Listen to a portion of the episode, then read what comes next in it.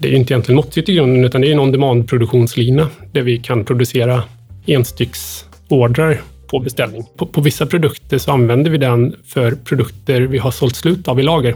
Så att upplevelsen är att vi, det är bara lite längre leveranstid. Så det är som en, en, en on-demand beställning då, som vi har lyft ut på, på vår e-handel. Ja, men det, det, kostar ju lite mer i produktionskostnad. Men det slipper lagerhållningen så att, och för tillfället är ju det här ett test och det är ett test delvis för att svara på, på den frågan. Eh, och där behöver man ju som alltid med sån här typ av affärsmodellutveckling titta på det med rätt ögon så att man inte råkar lägga på någon kostnad som du faktiskt inte borde lägga på den typen av produkt bara för att den finansiella kalkylen är uppsatt på ett visst sätt. Då.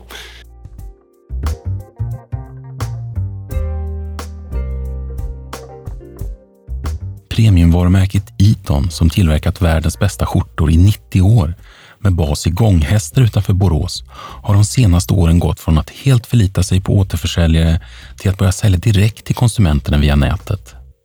Sin långa historia till trots innoverar Iton med skjortor on demand och nya sätt att hjälpa nätkunderna att hitta rätt storlek. Det här är ett betalt samarbete mellan podden E-handelstrender och Postnord.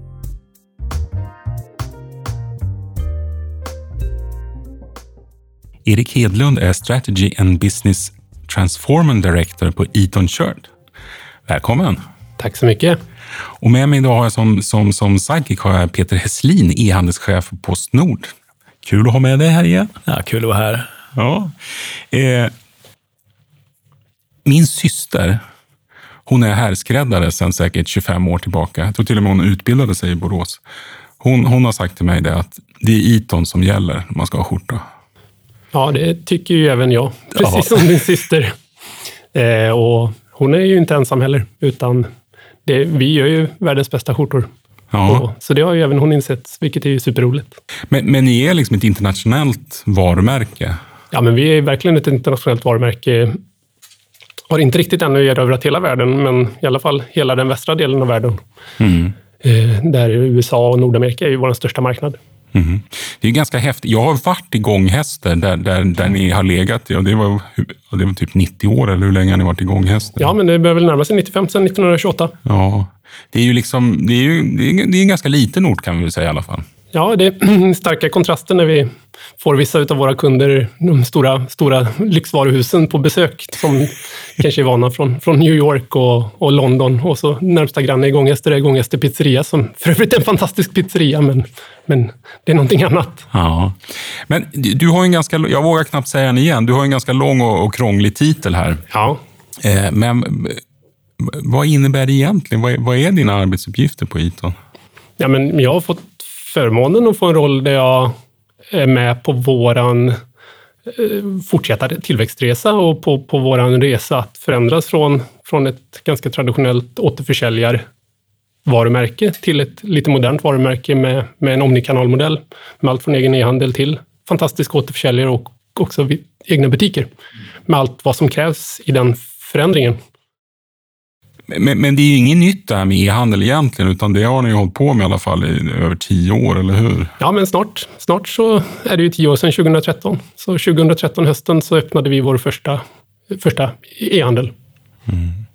Men, men hur, hur, ser den grundläggande strategin ut för Eton när det gäller direktförsäljningen? Det, det, det, för många traditionella varumärken så har det här oftast varit nästan ångestladdat tror jag det här att frigöra sig från att vara ett renodlat, renodlat återförsäljarvarumärke. Hur, hur, hur tänker ni kring det här med direktförsäljning?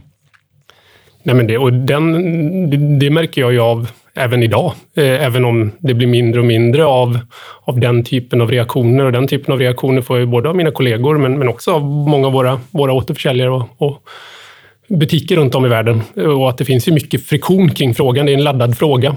Eh, men våran syn har, har alltid varit och, och, är fortsatt att vi ser ja, men med det här lite klassiska buzzwordet omnikanal-tänket med utgångspunkt från kunden, att vi vill vara där kunden är.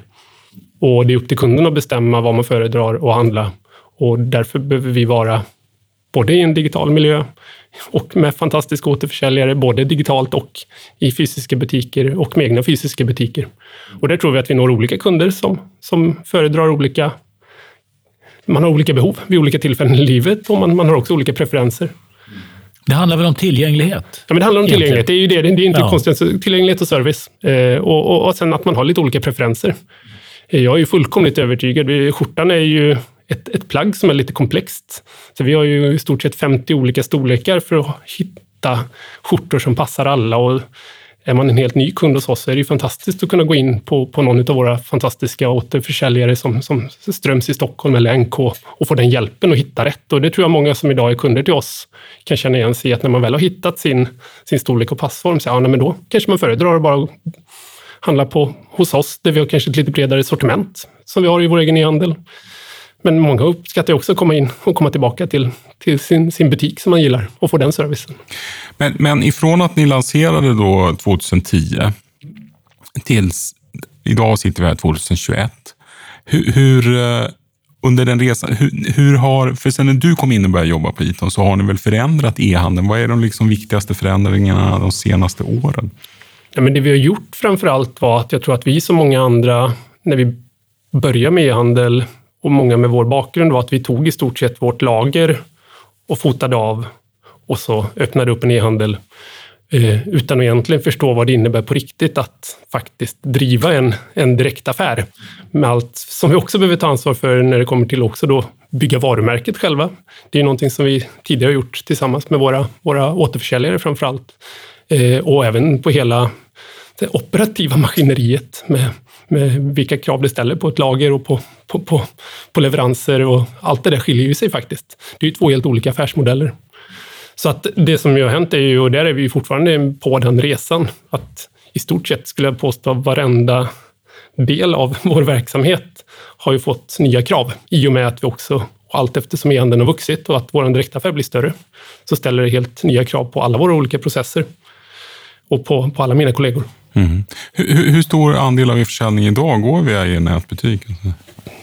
Via en direktkanal tänker du så har vi ju idag eh, Ja, men låt oss säga här, det ju, finns ju en viss covid-effekt i det här också, men, men tar vi vår e-handel står väl idag för ungefär 25 procent av vår totala, mm. totala försäljning.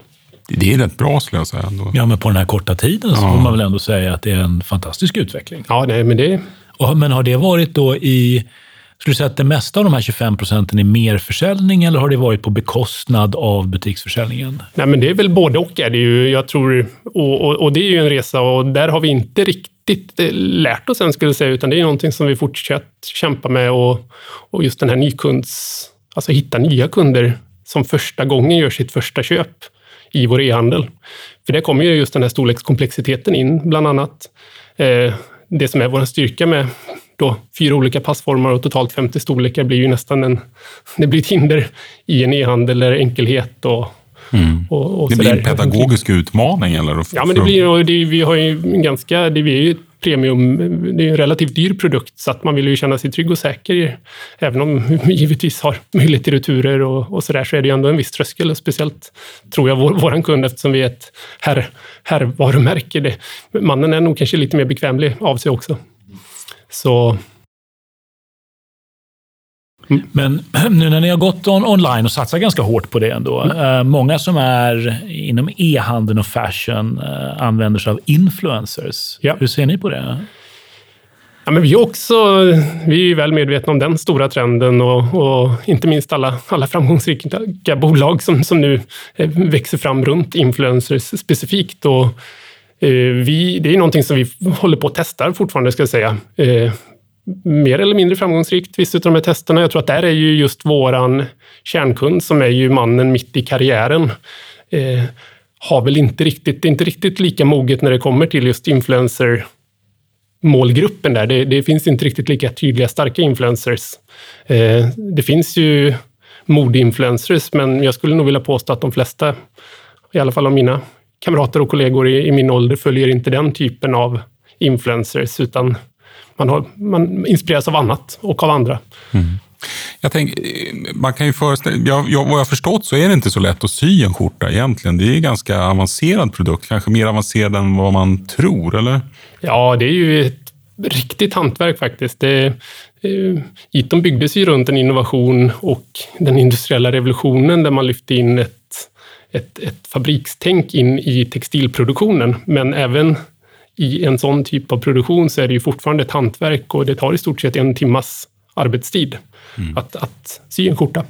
Men då tänker jag så här, i och med att det är en så pass avancerad produkt, är det, hur, har ni brottats mycket med det här hur ni presenterar skjortan på nätet? För, hur har ni, för jag känner, när man går in på nätbutik så känns det som att det finns, det finns ett tänk här bakom. Liksom. Ja, och det, det, är ju en av de stora utmaningarna. Vår produkt i vårt segment handlar ju väldigt mycket om om det som heter en hand. Det, vi pratar lite textiltermer, det är ju själva känslan i tyget och vi har ju ett extremt exklusivt material, egentligen den absolut mest exklusiva produkten du kan hitta på marknaden.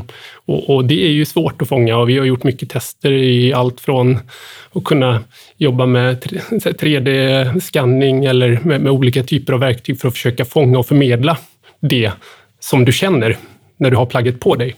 Och det är svårt. Det är Men det här med 3D-skanning, är det, är det en experiment? Ja, det är lite experiment för att just kunna Så det finns ingenting som man ser utåt idag?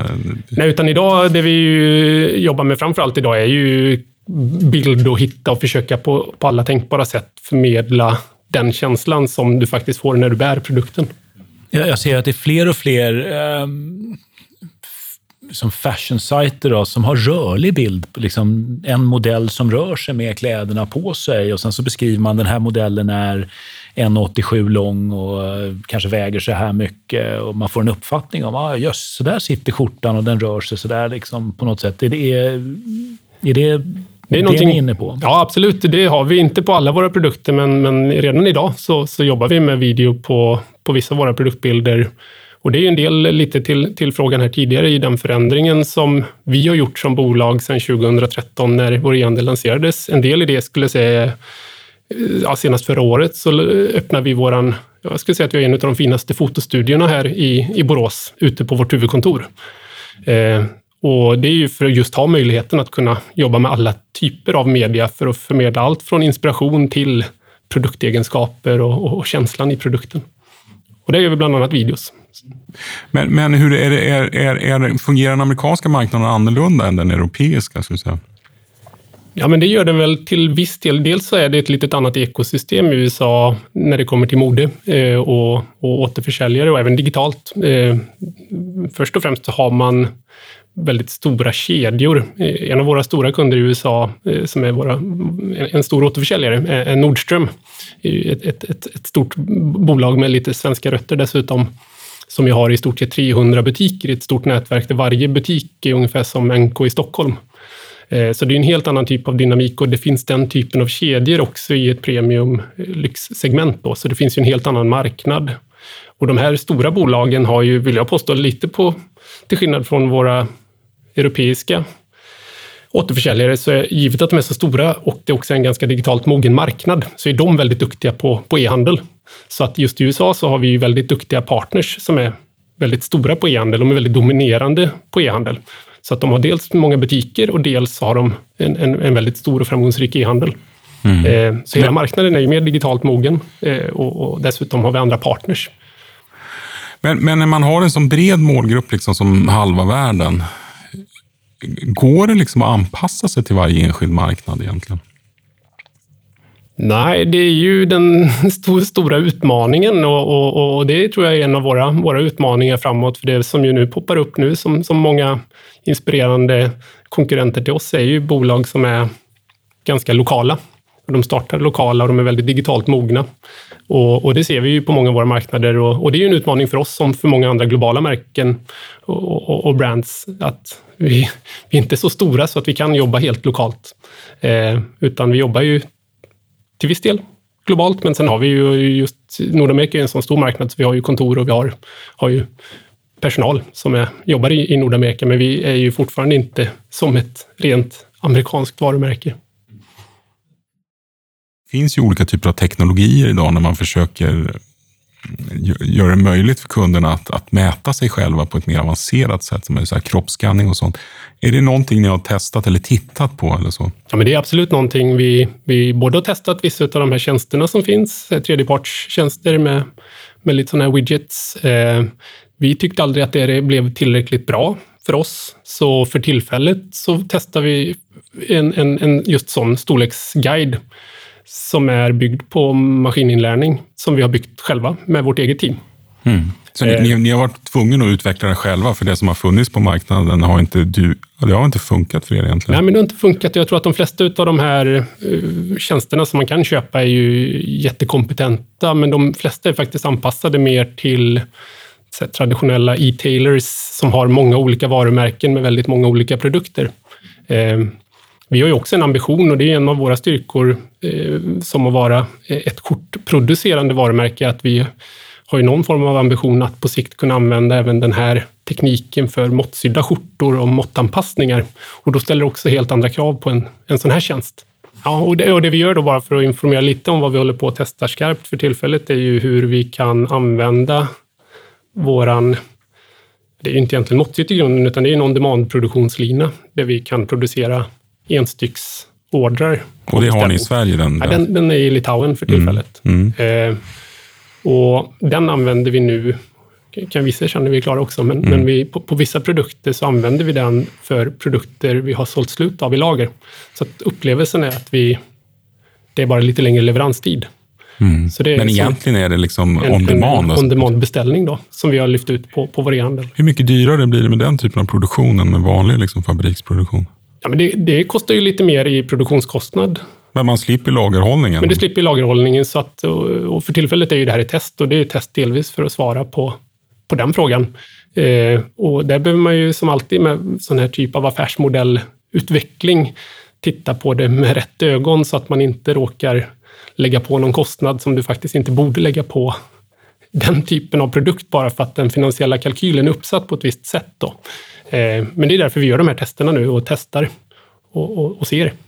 Så det innebär att ni kan ha mycket bredare produktsortiment då, helt enkelt? Och... Ja, men vi använder det för två saker. Dels så använder vi det för produkter som är slutsålda.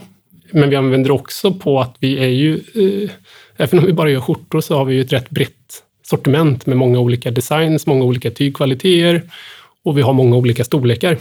Och i alla våra designs erbjuder vi inte alltid, de finns inte alltid i alla passformar. Men då använder vi också det för att kunna säkra att vår skjorta finns tillgänglig för alla kunder oavsett vilken passform du föredrar. Men det är fortfarande experimentverksamhet? Eller? Ja, men det är, eh, det, men det är ett live-test. Men det ser lovande ut? Eller? Ja, men det är, det är ett jättespännande område. Inte minst även ur ett hållbarhetsperspektiv. Hur man kan skala upp det här med on-demand-produktion. Det vi slipper, och det kommer, vi kommer aldrig sälja det på, på rea. Det kommer aldrig bli någonting som blir liggande i något lager som vi sen behöver hantera på, på, på, ett mindre hållbart sätt. Det kanske handlar någonstans om att tänka annorlunda när man gör sina kalkyler. Om, om man ska kunna börja jobba på lite mer spännande sätt, och såna här, på det här sättet till exempel, då handlar det, det är ganska viktigt faktiskt hur man gör sin kalkyl för varje produkt. Verkligen. Nej, och det är en jätteutmaning och speciellt eh, just den, den, finansiella kalkylen är ju ofta ganska statisk och uppsatt i något affärssystem. Eh, på gott och ont. Men, men hur, hur, stor del av er verksamhet är måttsydda skjortor idag? Ja, men idag är måttsytt en ganska liten del eh, av, av vår totala försäljning. Vi har hållit på med måttsytt långt, långt innan e-handel, långt innan digitalisering, men då var det ju mer, mer eh, i det traditionella hantverket eh, eftersom vi är ett producerande bolag och vi har alltid haft produktion väldigt nära. Vi har fortfarande kvar produktion här på, på vårt huvudkontor. Så, så har ju det varit någonting som, som är en av våra styrkor. Eh, men det har ju varit, från början var ju det en väldigt manuell blankett faxmodell. Eh, och, och, det vi har gjort sedan ett antal år tillbaka är att vi har digitaliserat hela det beställningsförfarandet. Eh, och, och, nu erbjuder vi måttsitt även på, på vår egen e-handel idag, men i en förenklad form. Men den, den, eh, låt säga den mannen som köper måttsytt, är det för att man vill ha någonting speciellt unikt eller är det oftare för att man har en, eh, en, en kroppsform som kanske inte riktigt passar det som finns i ordinarie sortimentet? Extra kort, extra lång, extra bred? Jag ska säga det är både och. Det är vi har båda sorternas kunder och sen har vi kunderna som uppfyller båda de kriterierna. Men, men vi har vissa kunder, eh, tänker framför allt kanske i, i lite utanför Sverige. Mig veterligen lite i de stora städerna, London, New York, finns det ju kunder som eh, tycker det är fantastiskt roligt att få vara med och designa sin skjorta. Nästan som att de använder oss som sitt eget, eget private label, så att man, man verkligen får leva ut sin, sin kreativa sida och, och få bestämma färger på knappar och knapptrådar och, och ner på väldigt detaljerad nivå. Och så sina det, initialer. Och initialer, monogram och sådär. Ja. Mm. Så att verkligen hela den här, kanske mer drivkraften. Så det är ju den ena gruppen. Den andra gruppen är ju, och trots att vi har så många olika storlekar, så är ju vi som individer unika i kroppsmått. Så då är det ju att hitta och göra de här små sista justeringarna för att det ska sitta helt perfekt. Då. Och där är ju skjortan ett ganska eh, svårt plagg. Det, det, ska sitta, och speciellt med, med dagens trendbild, det ska sitta rätt tajt och det ska sitta bra. Eh, och, och, och, då kan man göra de där sista små justeringarna för att det ska sitta perfekt. Hur, ser den, hur, hur, hur utformar man den optimala måttguiden? Ja, men det är ett område vi har bland annat faktiskt här med, med lite samarbete och vi har ju Textilhögskolan här i Borås. Vi, mm, har, vi, sitter, vi kan säga att vi sitter på Textilhögskolan här. Eh, och, och, vi har universitetet här i Borås och vi har till viss del samarbetat med dem. Det är en enorm fördel och styrka att ha dem så nära. Så att vi har jobbat ihop med dem och det finns ju mycket forskning och många som har forskat på just det här området här på Textilhögskolan. Eh, och vi har testat mycket skarpt. Det är ju fördelen med att ha en egen e-handel. Det är ganska kort, kort tid att testa. Vi har mycket fantastiska kunder som är väldigt lojala, som gärna ställer upp och svarar på frågor. Eh, och våra insikter från hela det här arbetet är ju att enkelheten det ska vara lätt att förstå. Det ska vara lätt att förstå. Det ska vara få frågor, det ska vara enkla frågor. Det här med kroppsmått och själv, självuppfattning om kropp är en väldigt intressant psykologisk fråga och vi har en ganska dålig självmedvetenhet i hur vi faktiskt ser ut, vilket ju man behöver ta hänsyn till när man formar den här typen av verktyg. Mm. Men, men, det krävs en typ av interaktivitet. Det räcker inte bara med någon tabell? Liksom så här. Nej, utan vi, vi har byggt det som vi, vi håller på att testa nu bygger på ett fåtal enkla frågor som mm. vi har gjort mycket tester på. Vi känner oss trygga med att vi får bra kvalitet. Kan, kan du ge ett exempel på en sån fråga? Ja, men det är, jag kan ge exempel. Det är fyra frågor mm. och, och, det är längd och vikt och det är ålder och sen är det en fråga kring hur din hur distributionen kring magen ser ut. Och det är ju för att få en, en förhållande om du är vältränad och är lite så V-formad eller mm. om du kanske har spenderat några timmar för mycket på krogen. Mm. Eh, och de frågorna har ju vi testat oss fram till att det ger oss en tillräckligt bra möjlighet att predicera, för det här är en, en maskininlärningslogik i grunden som predicerar dina kroppsmått. Och sen utifrån de kroppsmåtten så ser vi vilken av våra passformar passar dig bäst. Så det är de här fyra enkla frågorna. Och det har vi testat mycket och vi hade mycket högre ambitioner med fler frågor och fler svarsalternativ från början. Men vad vi insåg var att det var bättre att ställa färre frågor med enklare svar och öka chansen att svaren ändå är rätt, än att ställa många frågor där svaren blev fel, för det gav en sämre rekommendation. Har, ni sett effekt av det här då, så att ni får ner liksom returgrad och sånt med den här nya måttguiden? Ja, vi, vi ser att det här funkar. Är det stor effekt eller? Ja, men det är lite svårt att svara. Det är relativt tidigt än så länge och det är alltid svårt när man sätter upp den här typen av tester för att den här tjänsten riktar sig till en väldigt specifik kundgrupp och det är lite tillbaks till våra nya kunder framför allt. Och då är det en ny kund som kanske inte tidigare vet om sin passform och vi vet ju faktiskt inte om om en kund vet om sin passform innan eller innan de besöker vår e-handel. Jag, jag, tänker eh, just på det här med returer. Ni, ni vänder er till en ganska specifik målgrupp ja. Eh, ändå. Ehm, min gissning hade varit att ni har färre returer än fashionindustrin i stort, som kanske ligger någonstans på 30-40 procent. Jag vet att vi har markant färre ja, jag kan tänka mig det. Va, hur, men, vad, vad har du för returfrekvens då? Ja, men vi ligger väl på ja, men under 15 procent. Mm. Det är fantastiskt. Det är väldigt bra. Det. Ja. det, är det. Men så tänker jag, hur ser returgraden ut eh, inom e-handeln då, om du jämför den svenska marknaden med den internationella? För det kanske inte är lika attraktivt att returnera någonting om man har köpt i Cape Town eller i Miami, ehm, eftersom lagret ligger här jämfört med att kanske göra det om man eh, bor i Stockholm. Ja, jag tror faktiskt att vår returgrad ser ganska lik ut över hela världen. Ehm, så ja, mig veterligen så är det inga större skillnader på, på våra olika marknader.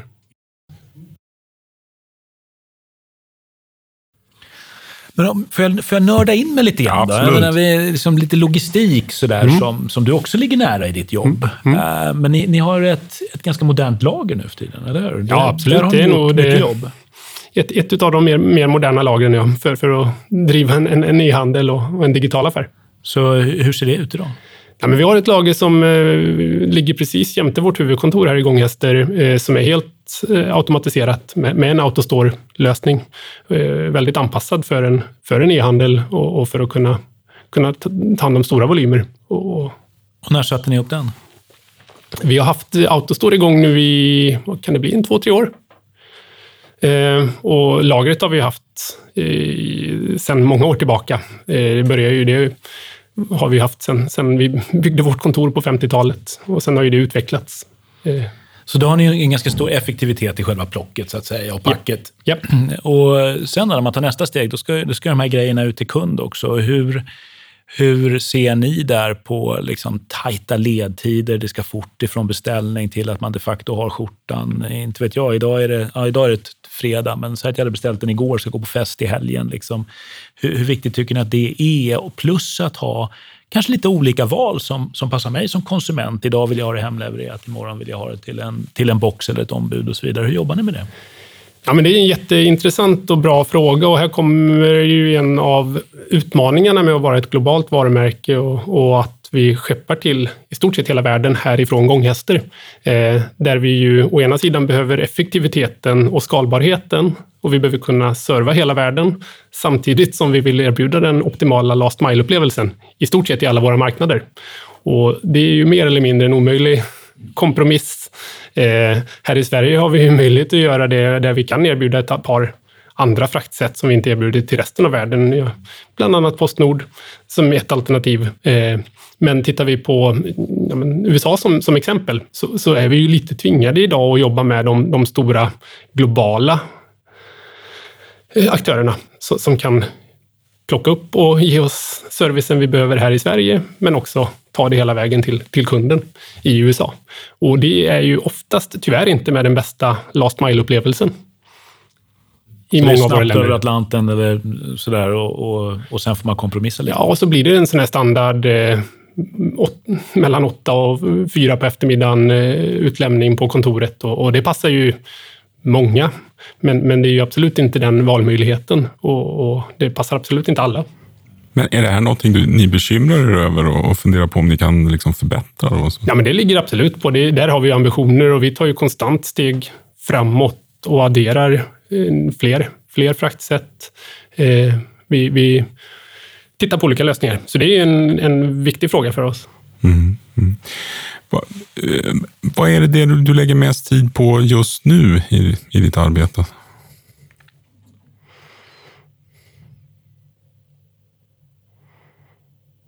Är det hemligt? Nej, det är väl inte hemligt, men det är många olika frågor ja. med, med, med, lite högt och lite lågt. Jag tror det, det som ju fortfarande tar mycket tid eh, från mig och som, som jag lägger mycket fokus på är ju den här fortsatta förändringen från att, med, med vårt rena återförsäljararv. Mm.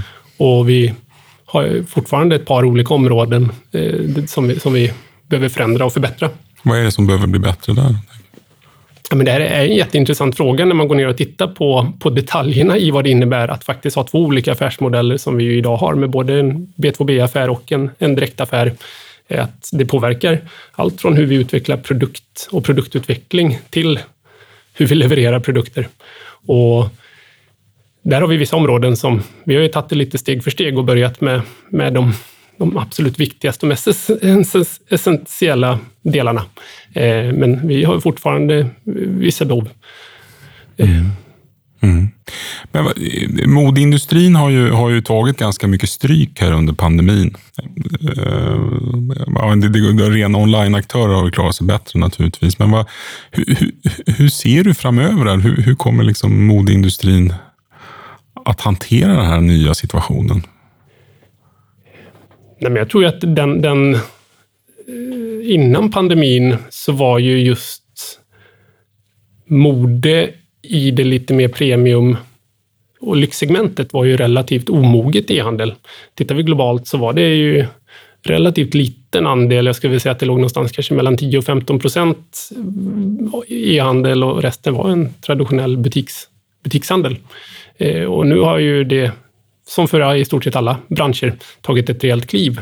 Men, men blickar vi lite i horisonten så tror jag nog att det kommer inte vara så att e-handel tar över hela, hela marknaden, eh, utan det finns ett jättestort värde för den fysiska butiken och för allt det vi har pratat om här med, med passform och storlek och, och, och, och, den typen av service. Så det kommer bli en, en fortsatt jag tror på balansen. Jag tror på balans. Det kommer till allt. När det kommer till både e-handel och fysisk butik och när det kommer till återförsäljare och direktaffärer. Och, och jag tror att det, kunden uppskattar den mångfalden. Mm. Men, mm, ja, en, ja, men en fråga som jag har ställt ganska till, till, till väldigt många som vi har haft i den här podden, ehm, det är det, det handlar väl om, om allt, allt skriveri och, och det är ju fakta menar, med svårigheterna att få transporter hemifrån Asien och så vidare. Är det här någonting som ni märker på Iton? Ja, men vi har ju mm, absolut påverkats även på det sättet utav pandemin. Sen tror jag det är ju våran styrka och någonting som vi är väldigt stolta över är att vi har ju fortsatt våran, hela vår produktion i Europa. Så vi har ju valt att behålla den nära Mm. På vilka, vart någonstans producerar ni era? Ja, men vårt stora land eh, för, för produktion idag är Rumänien. Mm. Eh, och det är inte jättelångt härifrån, eh, utan vi har ju närhet till producenterna. Och det är där vi har vår skjortproduktion. Tittar vi på våra väverier så är det ju också i de stora, stora länderna som är duktiga på tyg, Italien och, och vi har ju lite produktion i Schweiz och, och sådär. Mm. Så att det är så, så ni, egentligen, ni har ingen produktion i Asien egentligen? Ingen produktion i Asien. Nej. Men det är du, ganska ovanligt. Ja, alltså det, det, det, måste ju betyda någonstans ändå att man har en, en liten advantage eh, när det är som det är. Ja, men för, för oss så har vi ju i 95 års tid, vi är ju en, en produktspecialist och, och den här närheten har ju varit en förutsättning för att kunna fortsätta att behålla den kvaliteten som är grunden till allt vi gör. Eh, jag vill nog påstå att vi är ett av de mest välskräddade plaggen som, som går att få tag på. Och, och där blir ju den närheten och den kontrollen blir ju, blir ju en nyckelfaktor. Men jag skulle vilja, för att jag tror ju att med tanke på det här fraktkaoset som är idag och det är väldigt många modeaktörer har ju sin produktion i Kina eller Sydostasien och nu börjar man ju mer och mer se, se baksidorna med det. Eh, vad tänker du?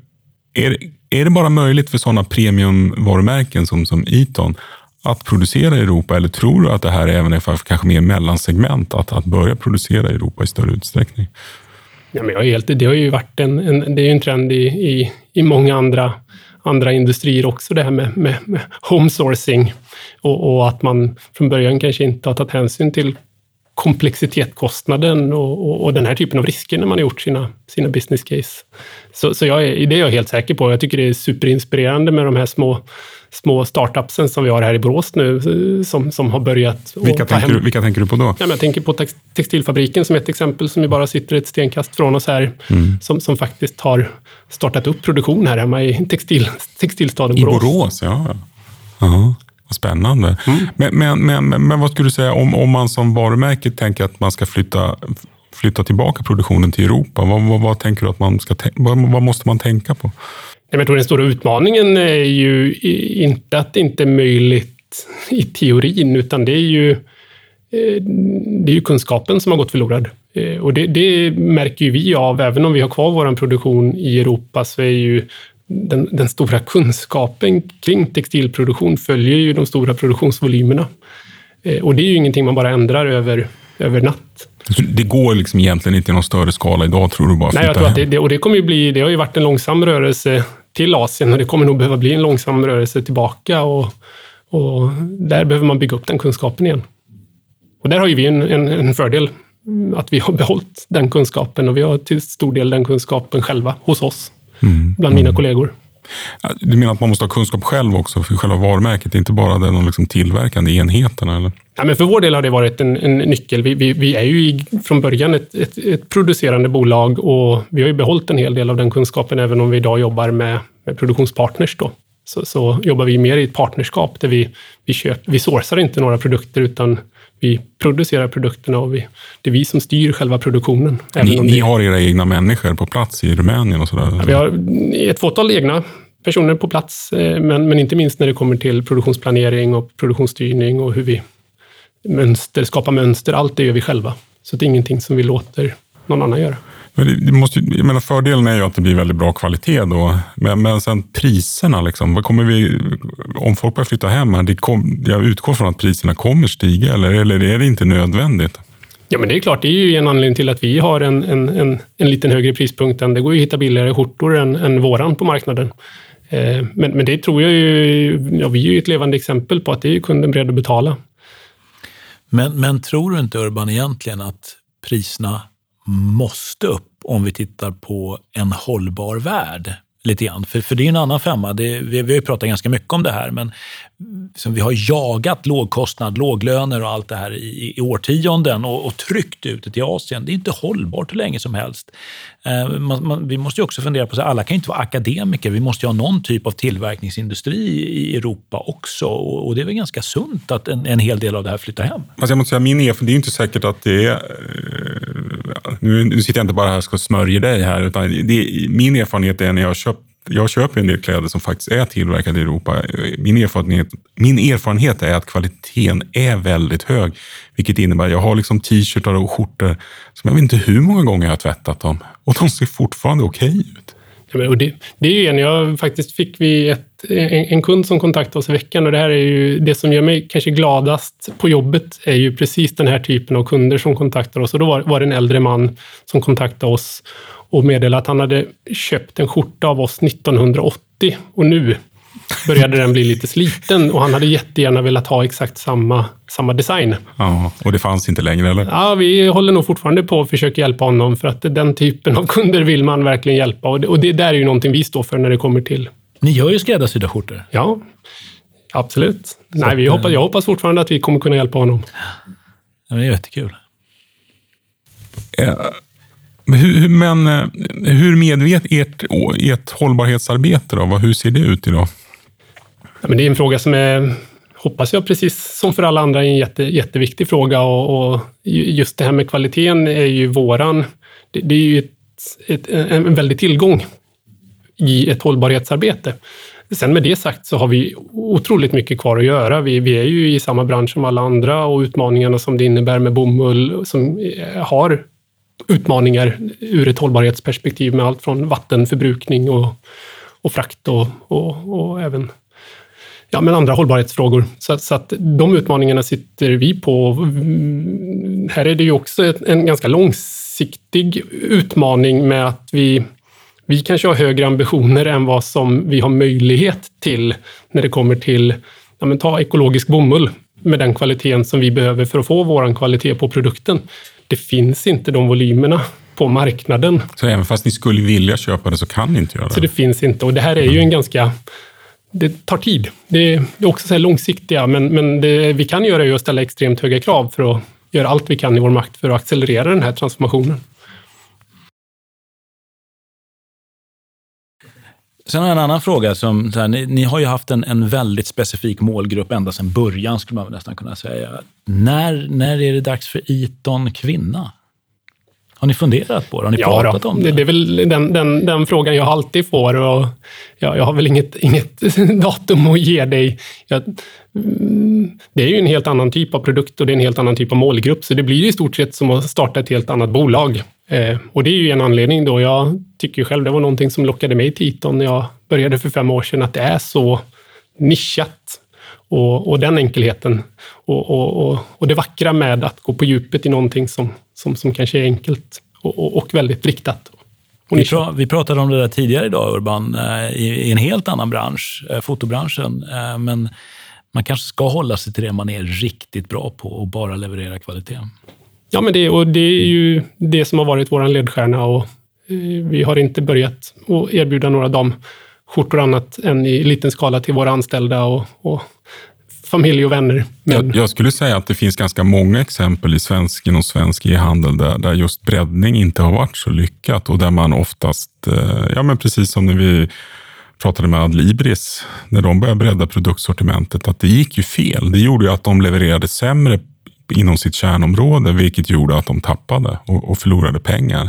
Det finns ju en styrka i verkligen att fokusera, eller hur? Ja, alla gånger. Det det är någonting jag tror att det, det, är, inte, det är nog en av de större riskerna, att, att tappa fokus. Ja, och, och börja bli otydlig. Skjorta är ju fortfarande ett eh, otroligt populärt plagg faktiskt. Och det är ganska, och där, där har vi, det finns fortfarande stora utrymmen att vara kreativ inom skjortramen. Mm. Eh, och, och, det försöker vi vara. Det finns produktutvecklingsmöjligheter även där. Mm, mm. Nej, eh, vad är nästa steg då för Iton? Ja, men vårt nästa steg är att det finns ju en... Eh, dels så vill vi erövra hela världen. Alltså det är mera marknad, fler marknader? Så det finns fler marknader som, som skulle må bra av en, en, en riktigt bra högkvalitativ skjorta. Eh, sen, sen, tror jag våran, eh, vårt nästa steg är ju att ta ytterligare ett kliv när det kommer till att få ihop våra olika, våra olika distributionskanaler. Vi har e-handel, vi har egna butiker och vi har våra återförsäljare. Det hänger inte riktigt ihop idag? Det hänger ju inte riktigt ihop och det är ju, då är man tillbaka till det här lite buzzwordet som har varit ett buzzword för ett par år sedan, men jag tror att utmaningen lever ju fortfarande kvar med någon omnikanalambition och få, få ihop upplevelsen och få ihop servicen och också få bort ja, men den här sista lilla friktionen som kan uppstå med, med någon form av intern konkurrens. Vi ska inte konkurrera mellan varandra, utan vi ska ju jobba tillsammans. Men det låter jättesvårt. Ja, det är svårt. Ja, men vad, vad, hur tänker du att ni ska lösa det då? Hur, hur, ska ni få ihop det? För det är ju en sak om man har om man äger alla sina kanaler, men ni då som jobbar i stor utsträckning med återförsäljare? Ja, men där har vi gjort, vi, utöver att vi har satsat mycket på vår egen e-handel, så vill jag säga att vi har satsat minst lika mycket, om inte mer, på att eh, utveckla och digitalisera även tjänsterna som vi erbjuder till våra återförsäljare och också relationen vi har med våra återförsäljare. Så att där har vi ju det, det, som kanske våra kunder ser är ju vår e-handel och, mm. och de investeringarna och den, den, resan vi gör, men vi gör ju lika stora investeringar i just den här frågan. Och, och Vad är det för typ av verktyg då, du menar? Ja, men, det, men dels har vi tagit fram, det handlar ju om hur vi digitaliserar och kan hjälpa våra återförsäljare att alltid säkra att man har rätt produkter i lager, automatiserad orderpåfyllnad, liksom connected retail, koppla ihop oss med våra återförsäljare. Dels för att få ordrarna, men mm. också för att dela data och kunna faktiskt jobba med gemensamma mål och inte bara tänka på vad vi skeppar från vårt lager till en återförsäljare, utan faktiskt tillsammans med återförsäljaren ta ansvar för hela så resan. Ni har, så ni har en ganska långt driven integrering då av era system med era återförsäljares system? Ja, men det är någonting vi, och där är vi, ja. har vi fortfarande jättemycket kvar att göra, men, men det är, en, det är en, ett nästa steg att ta nästa kliv där, att, att verkligen koppla ihop oss med våra återförsäljare för att kunna jobba tillsammans. Erik Hedlund, Strategy and Business Transformation Director på Eton Shirt. Stort tack för att du var med här idag. Men jättetack att jag fick komma hit. Peter Esslin, e-handelschef på Postnord. Stort tack för att du var med här idag. Tack själv Urban. Och jag som pratar heter Urban Lindstedt. Tack och hej.